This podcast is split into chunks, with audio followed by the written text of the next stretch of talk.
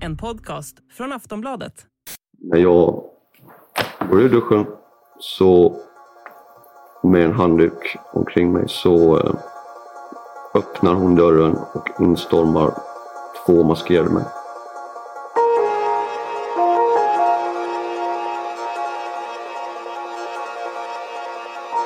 De maskerade förövarna som trängde in i lägenheten gjorde snart klart sitt ärende. Fondmäklaren med mångmiljoninkomster skulle betala. Annars skulle de skada både honom och hans familj.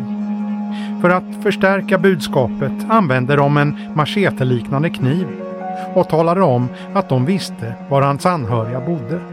Det blev upptakten till ett utdraget kidnappningsdrama som de åtalade förövarna senare skulle kalla en rolig fest, High Life, med ballonger och kokain.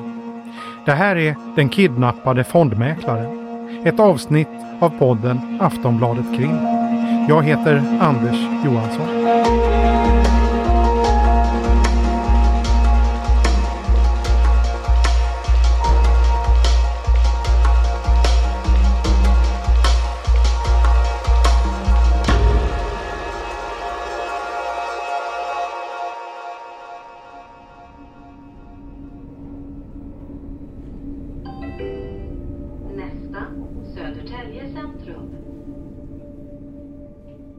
Vi är i Södertälje.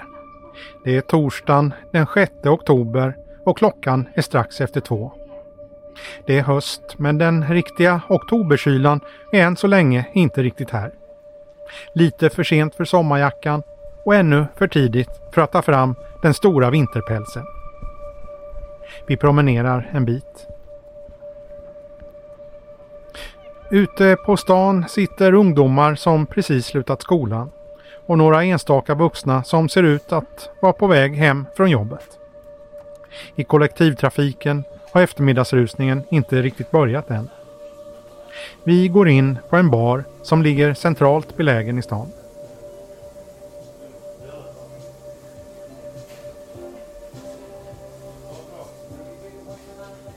Inne på baren är det förhållandevis mycket folk.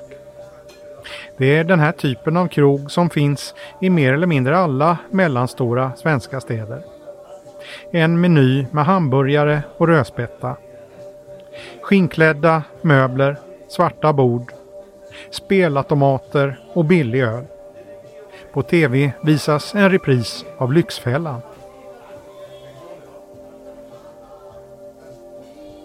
Klientelet idag är blandat.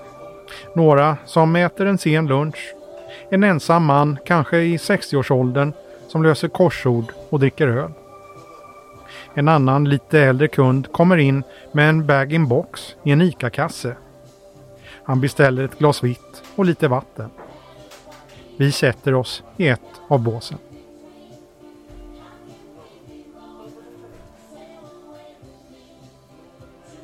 Anledningen till att vi sitter här har att göra med att en annan person suttit här före oss. En man som vi kallar för Peter. Det här avsnittets huvudperson. Vi backar bandet knappt sju månader till onsdagen den 9 mars 2022.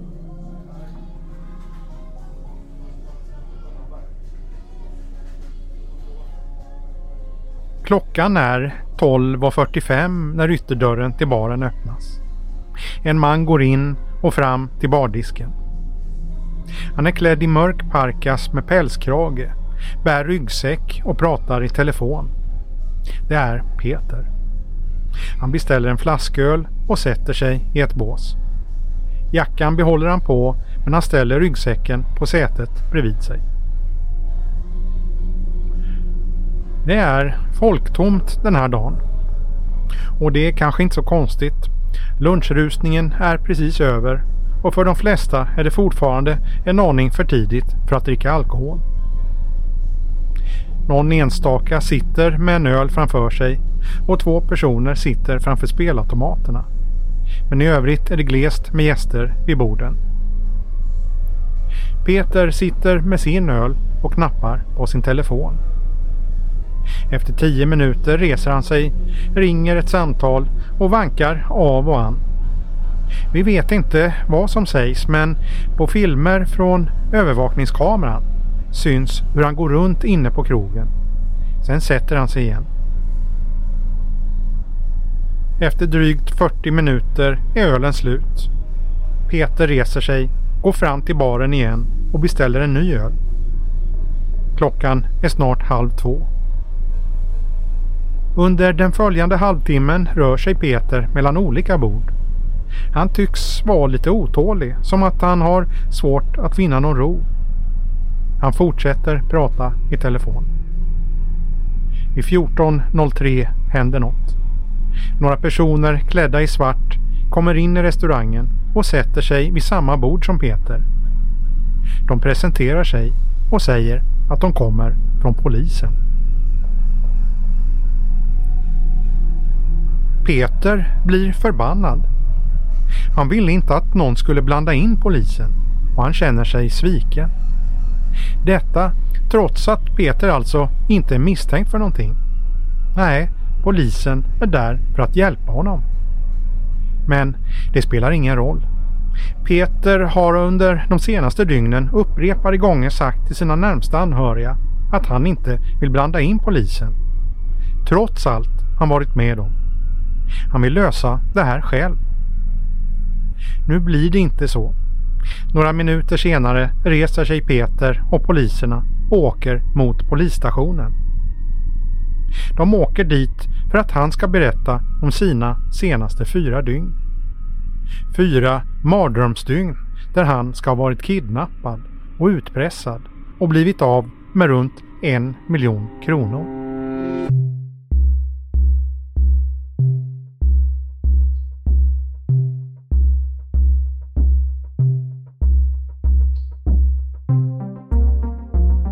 Det här avsnittet handlar om Peter, en 40-årig fondmäklare och tre män i 25-årsåldern. Våren 2022 tillbringade de fyra dygn tillsammans. Men vad som hände de här dagarna skiljer sig åt beroende på vem man frågar. En av de inblandade beskriver det som en vild kokainfest med lustgasballonger och mintlikör. En annan beskriver det som ett utdraget kidnappnings och utpressningsdrama där han blivit av med omkring en miljon kronor. Exakt vad som hänt vet vi inte men vi vet att det utspelat sig i början av mars 2022. Drygt ett halvår senare skulle de inblandade träffas igen.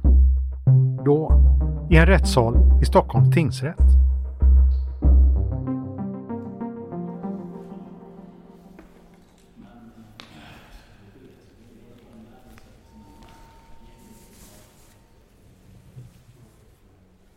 Vi befinner oss utanför sal 37 på andra våningen i rådhuset. Här uppe ligger den gamla säkerhetssalen. Det är en onsdag den 28 september och klockan är strax före klockan nio. Till skillnad från när vi besöker andra rättegångar där det brukar vara stort intresse från media och allmänhet är det nästan tomt på åhörare här idag. Inga andra journalister. Avlägsna röster ekar i det gamla rådhuset. Några advokater dyker upp. Och sen precis vid nio ropas målet på och vi får gå in. Vi tar plats i åhörarsalen som är åtskild från den stora salen med ett skyddsglas. Det är bara två andra åhörare här. Några av de åtalade som är på fri fot kommer in med sina advokater. Tre yngre män och två yngre kvinnor som åtalade i det här målet tar plats. Ytterligare en åtalad är med på distans. När vi sätter oss först de åtalade som är häktade samtidigt in av kriminalvården. Salen fylls snabbt. Två tolkar ska också vara med. Den målsägande, Peter, ska vara med på en bildskärm. Han är klädd i linnekostym och vit skjorta den här dagen och sitter med sitt målsägande beträde bredvid sig. och de båda befinner sig i ett angränsande videorum. Att Peter sitter i ett annat rum än rättssalen har sina förklaringar. Arrangemanget används när direkt ögonkontakt mellan offer och gärningsman kan försvåra för de involverade att prata fritt. När den tredje av de frihetsberövade fått handfängslet avtaget stämmer domaren av så att alla är på plats. Ja, tingsrätten ska hålla huvudförhandling i det här målet med start idag. Eh, och om vi börjar med att kontrollera närvaron så har vi från Åklagarmyndigheten kammaråklagare Lukas Eriksson. Ja. Vi har målsägande i målet med oss eh, via videolänk. Ja. Du har sällskap av ditt målsägande beträde, advokat Pavel Loban. Det stämmer. Domaren och rättens ordförande Linda Stromberg går steg för steg igenom vilka som ska vara på plats idag. Efter ett tag tycks alla vara avbockade på listan och vi går vidare till formalia. Men en person har glömts bort. Ja, det det är några saker jag tänkte jag skulle... Fru ordförande, Ja, även vi är närvarande. ja men förlåt, jag missade er. Det var ju jättetaskigt av mig. Ni, bilden är så liten. Ni är med. Är här tillsammans med advokat Linus Gardell. Också via videolänk. Det handlar om en av de misstänkta som också är med via videolänk. Sammanlagt handlar det alltså om sex åtalade. De tre yngre männen som är häktade tittar sig snabbt och nyfiket omkring för att se vilka som är där. De har inte sett varandra på flera månader. En har på sig en bredrandig tröja, en annan en vit skjorta. Den tredje tycks nyligen ha klippt sig inne på häktet och rakat av håret på sidorna och sparat en del uppe på huvudet. Två av dem sitter bakåtlutade i sina stolar. En hållning som någon kanske skulle uppfatta som nonchalant. Den nyklippte tycks dessutom tycka att det finns något roligt i situationen och ser nästan ut som att han skrattar emellanåt. På bänkraden bakom honom sitter de två kvinnor som åtalar i målet tillsammans med sina advokater. Den sjätte, en 30-årig man, är med på länk med sin advokat. Efter några minuters ordningsregler lämnar domaren över ordet till åklagaren Lukas Eriksson. Ehm, då ber jag åklagaren framställa sitt, eller sina yrkanden. Tack. Yrkas ansvar för människorov, rån och grov utpressning.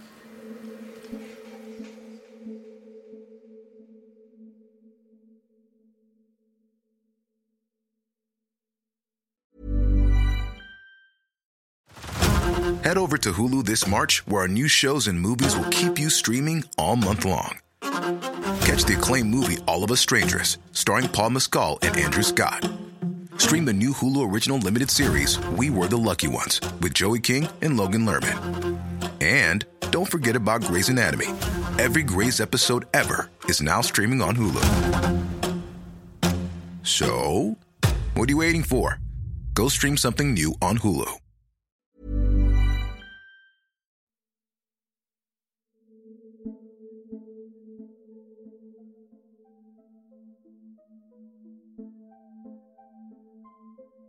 Händelserna i det här avsnittet utspelar sig i allt väsentligt under fyra dagar.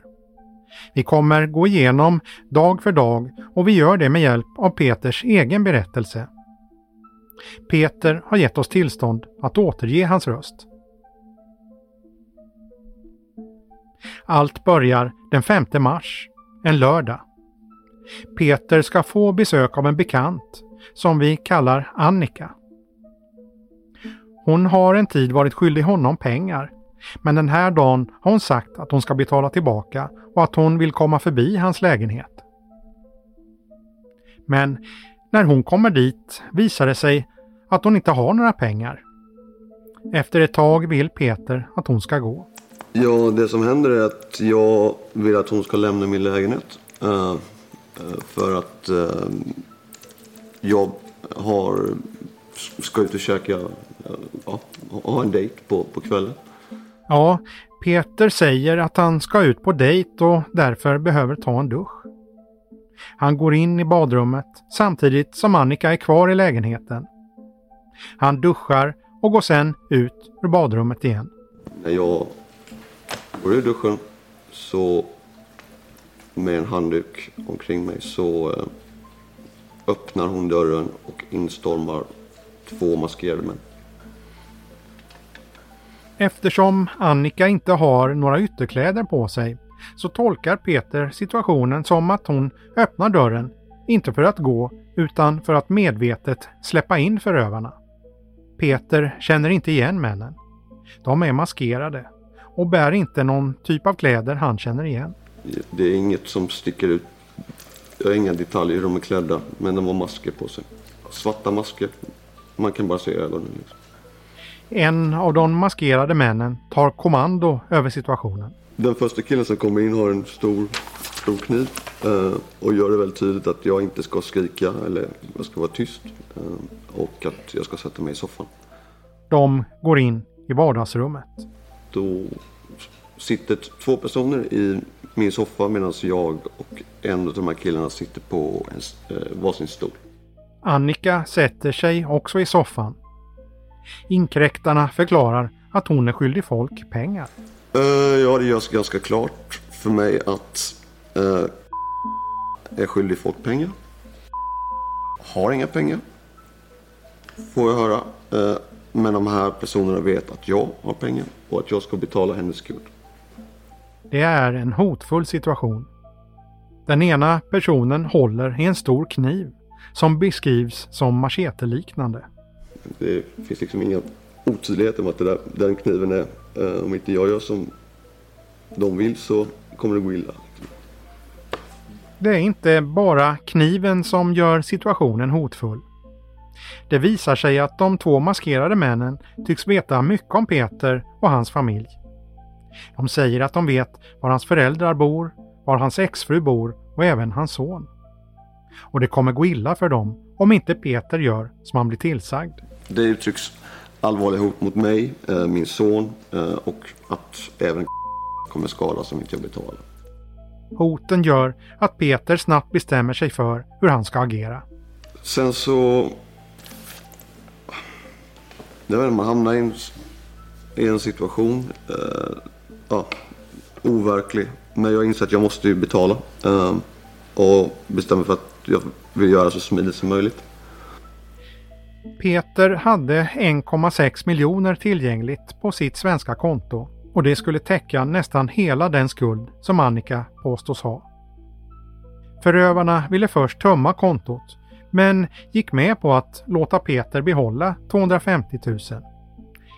Men resten, 1 350 000, skulle de ha. Men nu var det lördag och Peter förstod att det inte skulle bli lätt att överföra så mycket.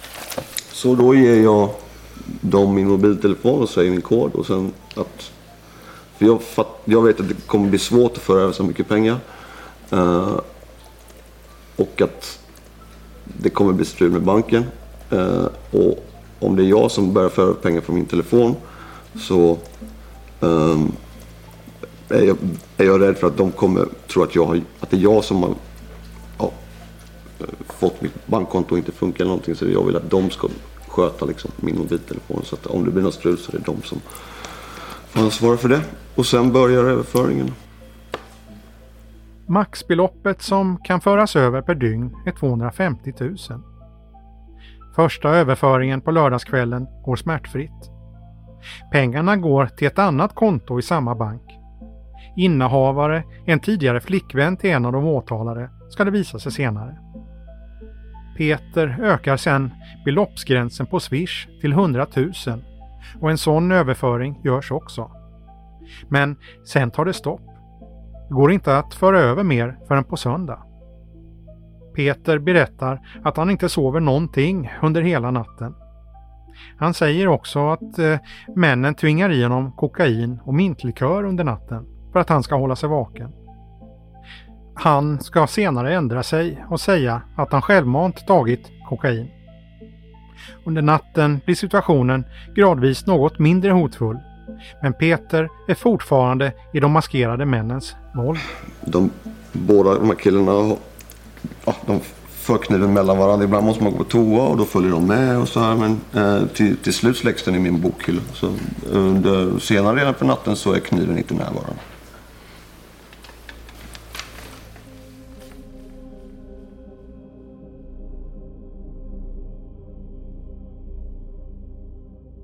Dag två är en söndag.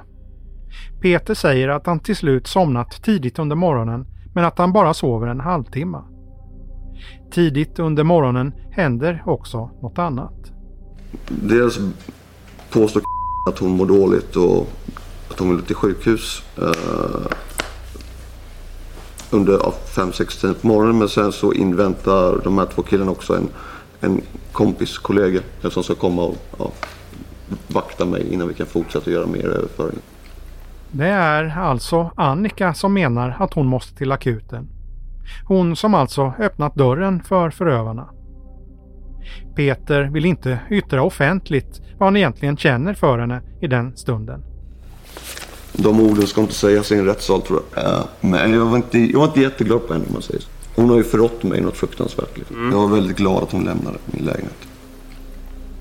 Sen sitter gänget mer eller mindre bara och väntar. De två misstänkta gärningsmännen verkar trötta. Så att vi satt egentligen bara väntade på att uh, de här två killarna ville väl åka hem och sova. Och så kom det, skulle det komma en kille till. Men det, dröjde, det drog ut på tiden. Efter ett tag får de avlösning. En tredje gärningsman kommer dit. Enligt Peter är han till en början också väldigt hotfull. Men situationen lugnar sig när Peter förklarar att han tänker fortsätta det han påbörjat. Att genomföra betalningarna så smidigt som det bara går och få allt överstökat. Men planen ska snart stöta på problem igen. Eh, och sen så när Nordea väl öppnar klockan åtta så har jag inget, då är mitt mobila bank-id helt låst. Jag kommer inte åt någonting. Peter och den tredje gärningsmannen kan alltså inte komma in på hans bank. Snart kommer nästa obehagliga överraskning. Då... Alltså jag kommer inte ens in på banken och ser vad som har hänt. Eh, då går jag och den här tredje killen till eh, eh, en bankomat för att ta ett kontouttag. Och då ser jag att det är noll kronor på mitt konto. Det ser alltså ut som om Peter inte har några pengar. Dessutom är hans bank-id spärrat. En av förövarna försöker ordna fram ett nytt bank-id med hjälp av en lånad bankdosa, men det fungerar inte. Problemet för samtliga inblandade är att det är söndag. Det går inte att lösa problemet förrän helgen är över. Efter några försök lugnar stämningen ner sig och alla bestämmer sig för att vänta tills banken öppnar igen. Efter ett tag blir de hungriga, men ingen har några pengar. Peter säger att han bara fått i sig mintlikör och kokain sedan allt började och är helt utmattad. Han bestämmer sig för att ringa sin bror och dra en lögn. Han säger att han behöver låna pengar.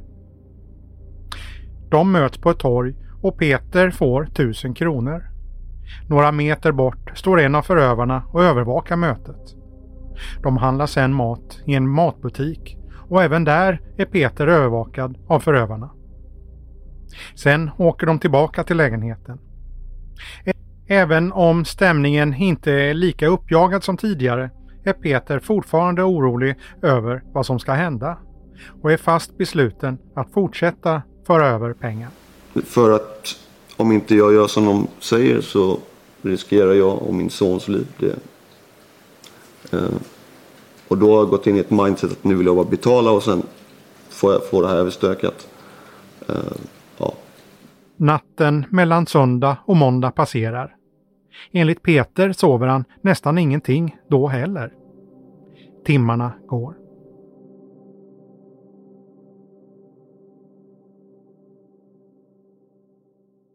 Vi ska snart återvända till lägenheten med Peter och gärningsmännen. Men vi ska göra en kort avstickare. För det här fallet är en del av en trend. En ökande trend.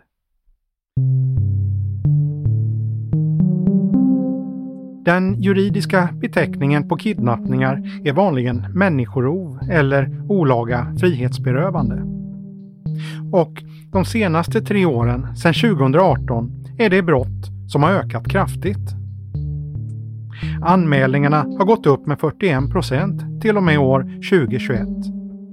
Antalet anmälda fall låg då på drygt 2300 enligt statistik från Brottsförebyggande rådet.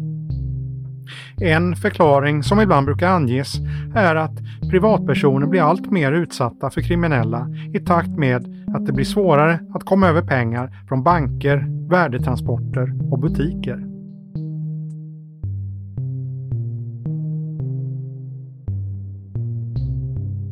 En som arbetat med mängder av kidnappningar genom åren är Torbjörn Sivertsson. Som polis vid dåvarande Rikskriminalen jobbade han under 25 år med kidnappningsärenden, både inom och utom Sveriges gränser. Han är alltså en av Sveriges mest erfarna experter på området. Vi ringer upp honom. Sivertsson. Ja, hejsan. Jag ringer från Aftonbladet och heter Anders Johansson. Jaha. Torbjörn Sivertsson menar att det finns en rad saker som den som utsatts för en kidnappning kan göra för att det ska gå så bra som möjligt. Ja, det finns det naturligtvis. det finns det naturligtvis. Det gäller ju faktiskt att följa med va? Vad som händer, räkna dagar, tid, försöka få penna och papper och såna här grejer. Det finns ju många sådana här varianter som har klarat sig på olika sätt. Att räkna dagar är ett av flera knep för att inte tappa grepp om vad det är som pågår. Att ha något att hålla fast i. Ja, det är alltid bra att ha reda på tiden. Vet. Och veta var man är någonstans. Och man kan få reda på om det är dag eller natt, men det är inte alltid man får det heller. Men det är för att inte tappa, tappa koncepten fullständigt. Torbjörn Sivertsson har av naturliga skäl inte hört talas om just fallet med Peter. Men när han får omständigheterna beskrivna för sig, att Peter berättat hur han omgående sa att han gick med på att betala, samarbetade och visade det på ett övertygande sätt, har Torbjörn Sivertsson en generell uppfattning. Ja, men det är positivt. Det är, då ler man sig med aggressorn så att säga. Det är det som jag eh, har tagit den. Det är Stockholmssyndromet i sin nötskal. Lierar sig med aggressorn, säger Sivertsson. Enligt honom finns det mycket att vinna på att knyta band till dem som är förövare. Jo, då får man ju positivt förhållande hela tiden. Va? Då blir det lättare att stå ut med det här. Då blir det som kompisar istället, vet du. Och då, då är chansen att det slutar lyckligt större? Ja, den är större också. Definitivt. Vi brukar ju uppmuntra till att de ska försöka vara positiva och få till det här. För det är lättare, det är större risk att man överlever då. Men även om man betalar kan problemen komma tillbaka enligt Torbjörn Sivertsson. Att betala är inte detsamma som att det alltid slutar bra. För alltid. Den som betalat en gång får räkna med krav på att göra det igen. De kriminella kommer ofta tillbaka. Den som betalat bör därför se till att det görs en anmälan till polisen. Men eh, när anmälan ska man nog göra. I alla lägen, inte hålla det hemligt inte men. Nej, jag tror, har man råd att betala så. och tycker att det är rätt att göra det men, men eh, de här kommer ju bara fortsätta.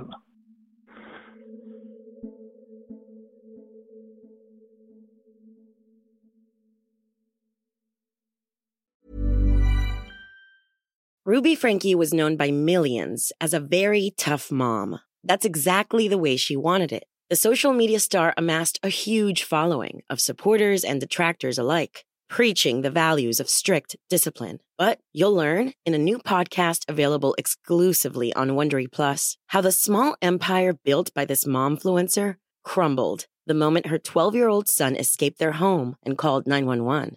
Wondery and Law and Crime bring you the new podcast, The Rise and Fall of Ruby Frankie, which explores the allegations of starvation, torture, and emotional abuse leveled against Frankie and her business partner, Jody Hildebrandt. Learn about the family's path to stardom, the depravity investigators uncovered inside the home, and hear in depth analysis of the ongoing criminal trial. Listen to the rise and fall of Ruby Frankie exclusively and ad free on Wondery Plus.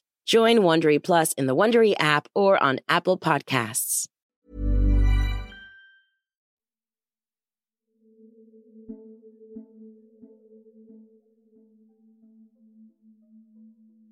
Vi är tillbaka i lägenheten.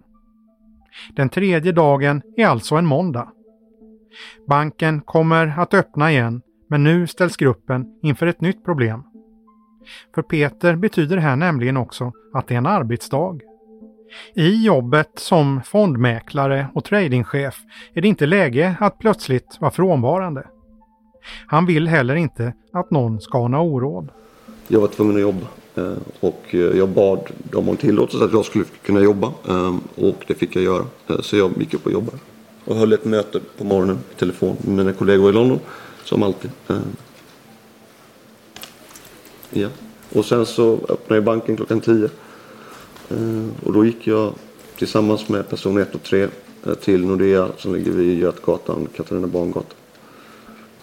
När banken öppnar går Peter och två av kidnapparna till det bankkontor som ligger närmast. De två väntar utanför medan han går in.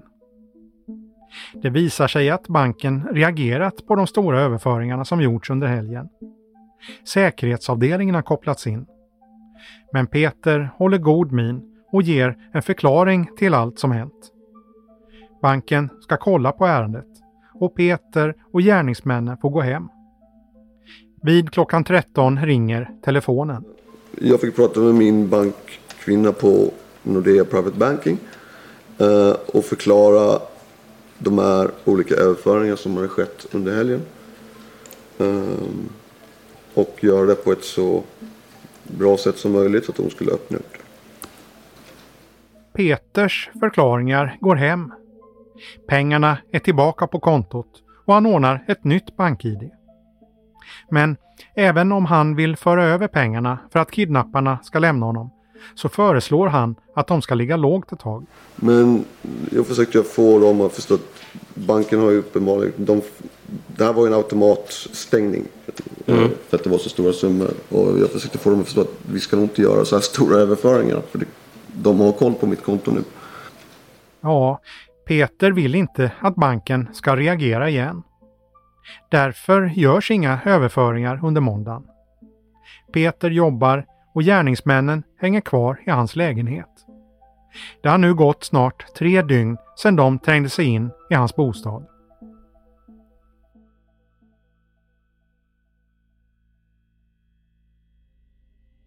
Den fjärde dagen är en tisdag.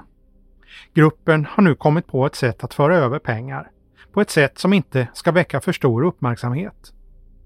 Genom en transfertjänst som heter WISE går det att föra över pengar till konton utomlands.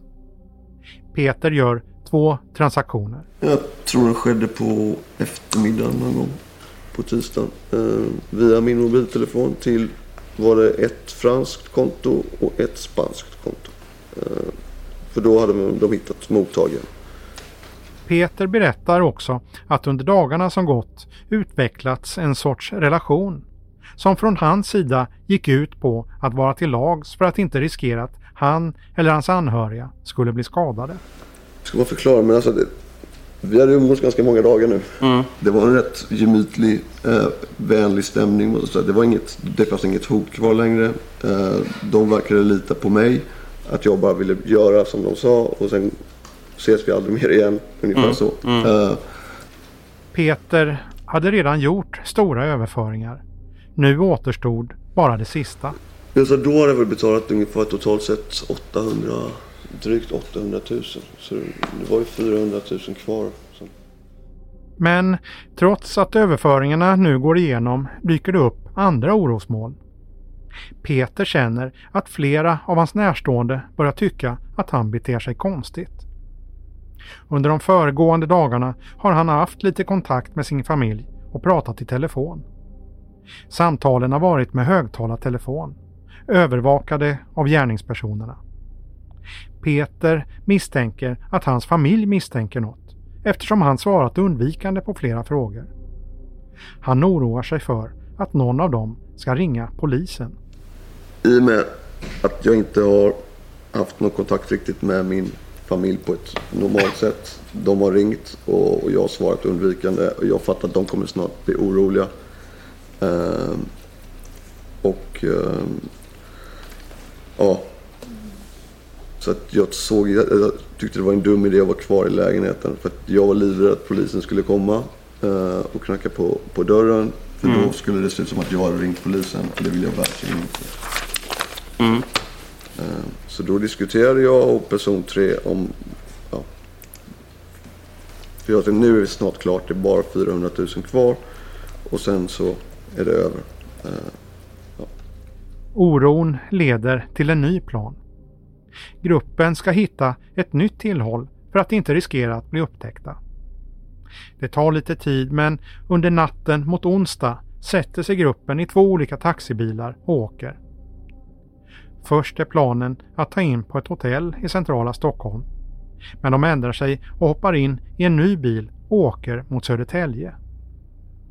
När de kommer dit sätter sig Peter för sig själv. Jag valde att vara på toaletten. Eh, Och dels var jag tvungen att gå upp och jobba klockan sex som vanligt. Så jag, och då hade jag varit uppe hela natten så jag satt där. Eh, Och var rätt nedbruten i det läget. Oron över att gruppen ska bli påkommen gör att Peter ringer ett samtal. Och då hade jag fått via, då visste jag att min familj var väldigt orolig för mig. Så jag ringde dem och berättade exakt vad som hade hänt. Till min pappa. Och det här är som har hänt. Jag vet att det låter helt sinnessjukt men det här är sanningen. Vad du än gör, ring inte polisen. Jag ska bara göra en överföring och sen så glömmer vi det här. Men du får absolut inte ringa. Lita på mig, snart kommer allt vara. Jag ska förklara vad som har hänt, varför jag inte har hört av mig. Det är bara en överföring. Efter samtalet sätter sig Peter och jobbar igen. Han har än en gång morgonmöte med sitt jobb. Ett tag senare gör han en sista överföring. Sen är det över. Men efter det så får jag veta att de är nöjda med att jag, vad jag har gjort. Och så, blir, så låter de mig gå. Peter samlar ihop sig och lämnar lägenheten. Han ringer samtidigt sitt jobb. Att då, det var, jag har inte knappt sovit på liksom fyra och ett halvt dygn. Ehm, och ehm, jag ber dem att jag inte behöver jobba mer den här veckan. Eh, och sen ringer jag min brorsa eh, som, och berättar allt som har hänt. Och säger bara ring inte polisen vad ni än gör. Han bara du måste åka till SÖS och liksom kolla upp det. och Allting är lugnt. Så jag lovar. Sen går jag ner till pendeltågsstationen. Vid pendeltåget går Peter in på en bar. Samma bar som vi satt på i början av avsnittet. Klockan är nu strax efter 12 på dagen, onsdagen den 9 mars. Han går fram till bardisken, beställer en öl och sätter sig vid ett bord. Och ringer till den här tjejen som jag skulle träffat eh, på lördagskvällen och ber om ursäkt för att jag inte kom. Eh, pratar med henne. Eh, och sen dyker det upp tre killar. De tre personerna som sätter sig framför honom är poliser. Peter får följa med poliserna, men han känner ingen lättnad. Tvärtom. Jag tänker bara att det, vad fan är de här för? Alltså, hur kan de veta vem jag är och varför vill de prata med mig? Eh, och sen så, så de, ja, sen måste jag följa med dem eh, i en piketbuss. Så kör de mig upp till, till eh, ja, i närheten av här. Peter säger att han förstår att någon ringt polisen och att han blir vansinnig. Att någon måste jag, ja, antagligen någon i min familj måste jag liksom, hur polisen kunde hitta mig det, liksom, det vet jag fortfarande inte än, än idag hur de kunde göra. Men det gjorde de ju. Peter menar att han blir arg för att han hellre hade löst hela situationen själv. För att vi, den här skiten pågick i fyra och ett halvt dygn. Och jag hade lyckats föra över de här pengarna. Det är jättemycket pengar men det kommer inte, det är pengar. Jag tänkte att mitt liv kommer fortgå nu som vanligt. De kommer inte komma tillbaka till mig. Eh, allt är över. Liksom. Och jag tyckte att jag känner en jäkla lättnad när jag lämnar den här lägenheten i Södertälje. För att nu är, det, nu är det över. Nu tänker jag inte mer på det här. Och så går vi vidare liksom.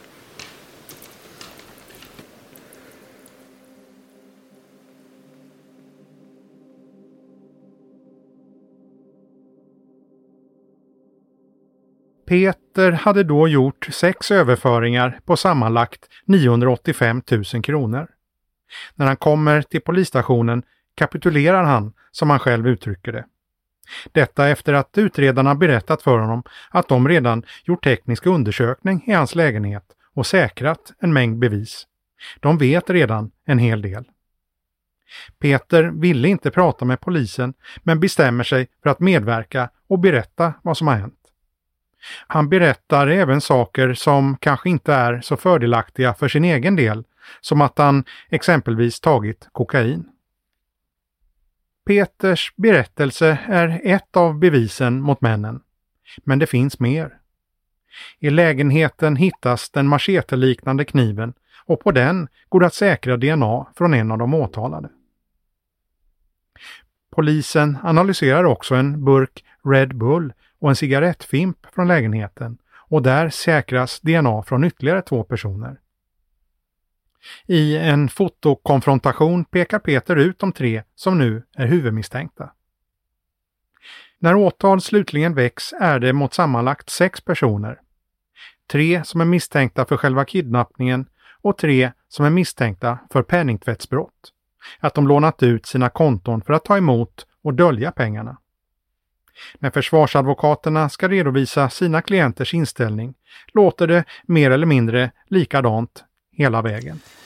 När det gäller gärningarna och de tre rubriceringar som tingsrätten har att pröva så förnekar samtliga, det vill säga människorov, rån och grov förnekar brott. Hon har inte otillbörligen främjat möjligheterna för någon att omsätta eh, pengar. Förnekar brott. Han bestrider vidare det enskilda anspråket i dess helhet. Han bestrider ansvaret för penningtvättsbrott således. På den grund att han inte otillbörligen har främjat möjligheten... Han bestrider det enskilda anspråket. Inget belopp kan vitsordas som skälet i och för sig för närvarande. Det kan hända att det kommer att förändras. Tack för det. Förnekar gärningen och bestrider ansvar. Jag kommer i min sakframställan närmare beröra hans position i det här målet. Det enskilda anspråket bestrids i sin helhet. Inga belopp kan vitsordas som skäl i sig förutom sättet att räkna räntan. Tack.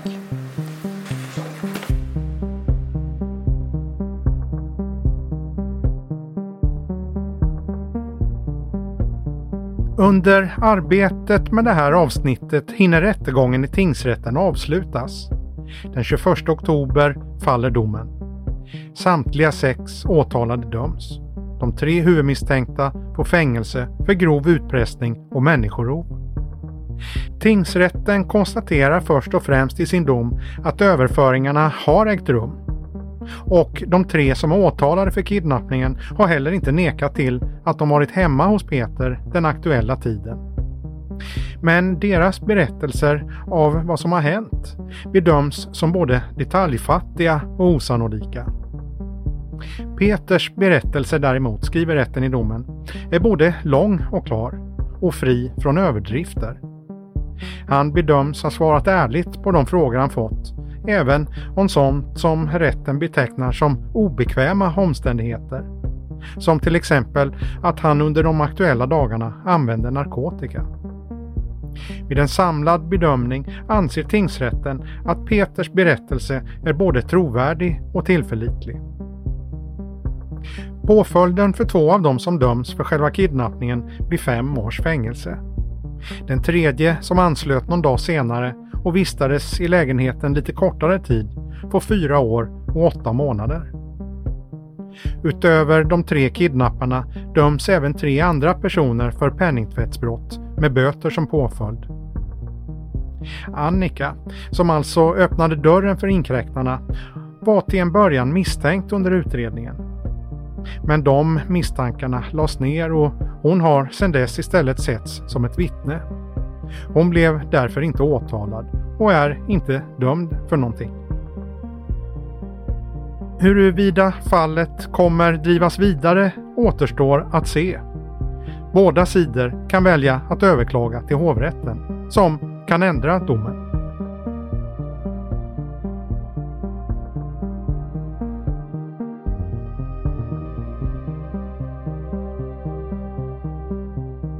I det här fallet slutade det förhållandevis bra för Peter. Exakt hur han hanterat händelsen efteråt vet vi inte. Men att bli utsatt för allvarliga hot kan leda till men för livet. Bearbetning efteråt är därför mycket viktig och kan underlätta för den enskilde att gå vidare. Torbjörn Sivertsson, experten vi pratade med tidigare i avsnittet, har genom åren haft mycket kontakt med kidnappningsoffer. Som framförallt ofta beskriver att inledningsskedet i kidnappningarna varit skrämmande. Jag menar, det är de, de, de hallucinationer får en del också om man inte kan hålla sig verklighetsförankrad.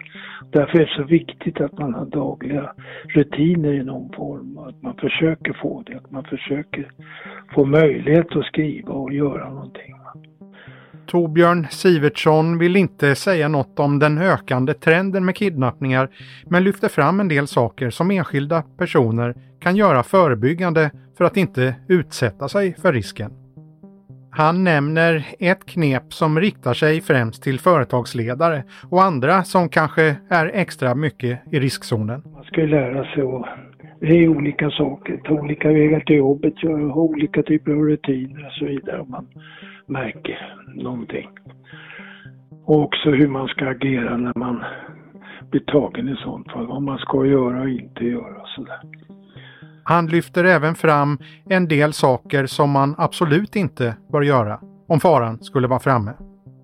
Det viktiga är väl att inte försöka föra kidnapparna bakom ljuset när man blir tagen. På olika sätt att försöka göra något dumdristigt om man säger så. Hans sista tips är ett som nämnts tidigare men som kan nämnas igen. Att alltid kontakta polisen. Det finns ju säkerhetsfirmor och alla sånt där som håller på med kanske. Men nej, absolut, det ska polisanmälas. Sen kan polisen sköta det här snyggt.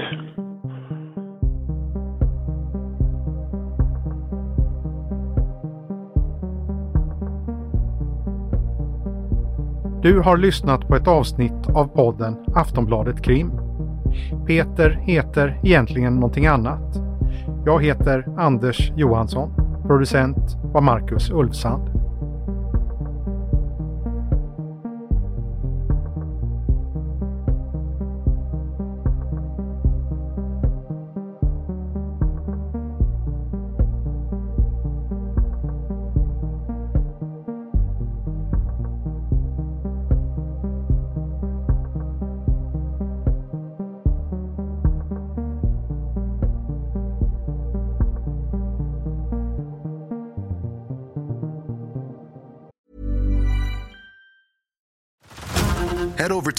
This March, where our new shows and movies will keep you streaming all month long. Catch the acclaimed movie All of Us Strangers, starring Paul Mescal and Andrew Scott. Stream the new Hulu original limited series We Were the Lucky Ones with Joey King and Logan Lerman. And don't forget about Grey's Anatomy. Every Grey's episode ever is now streaming on Hulu. So, what are you waiting for? Go stream something new on Hulu. Du har lyssnat på en podcast från Aftonbladet. Ansvarig utgivare är Lena K Samuelsson.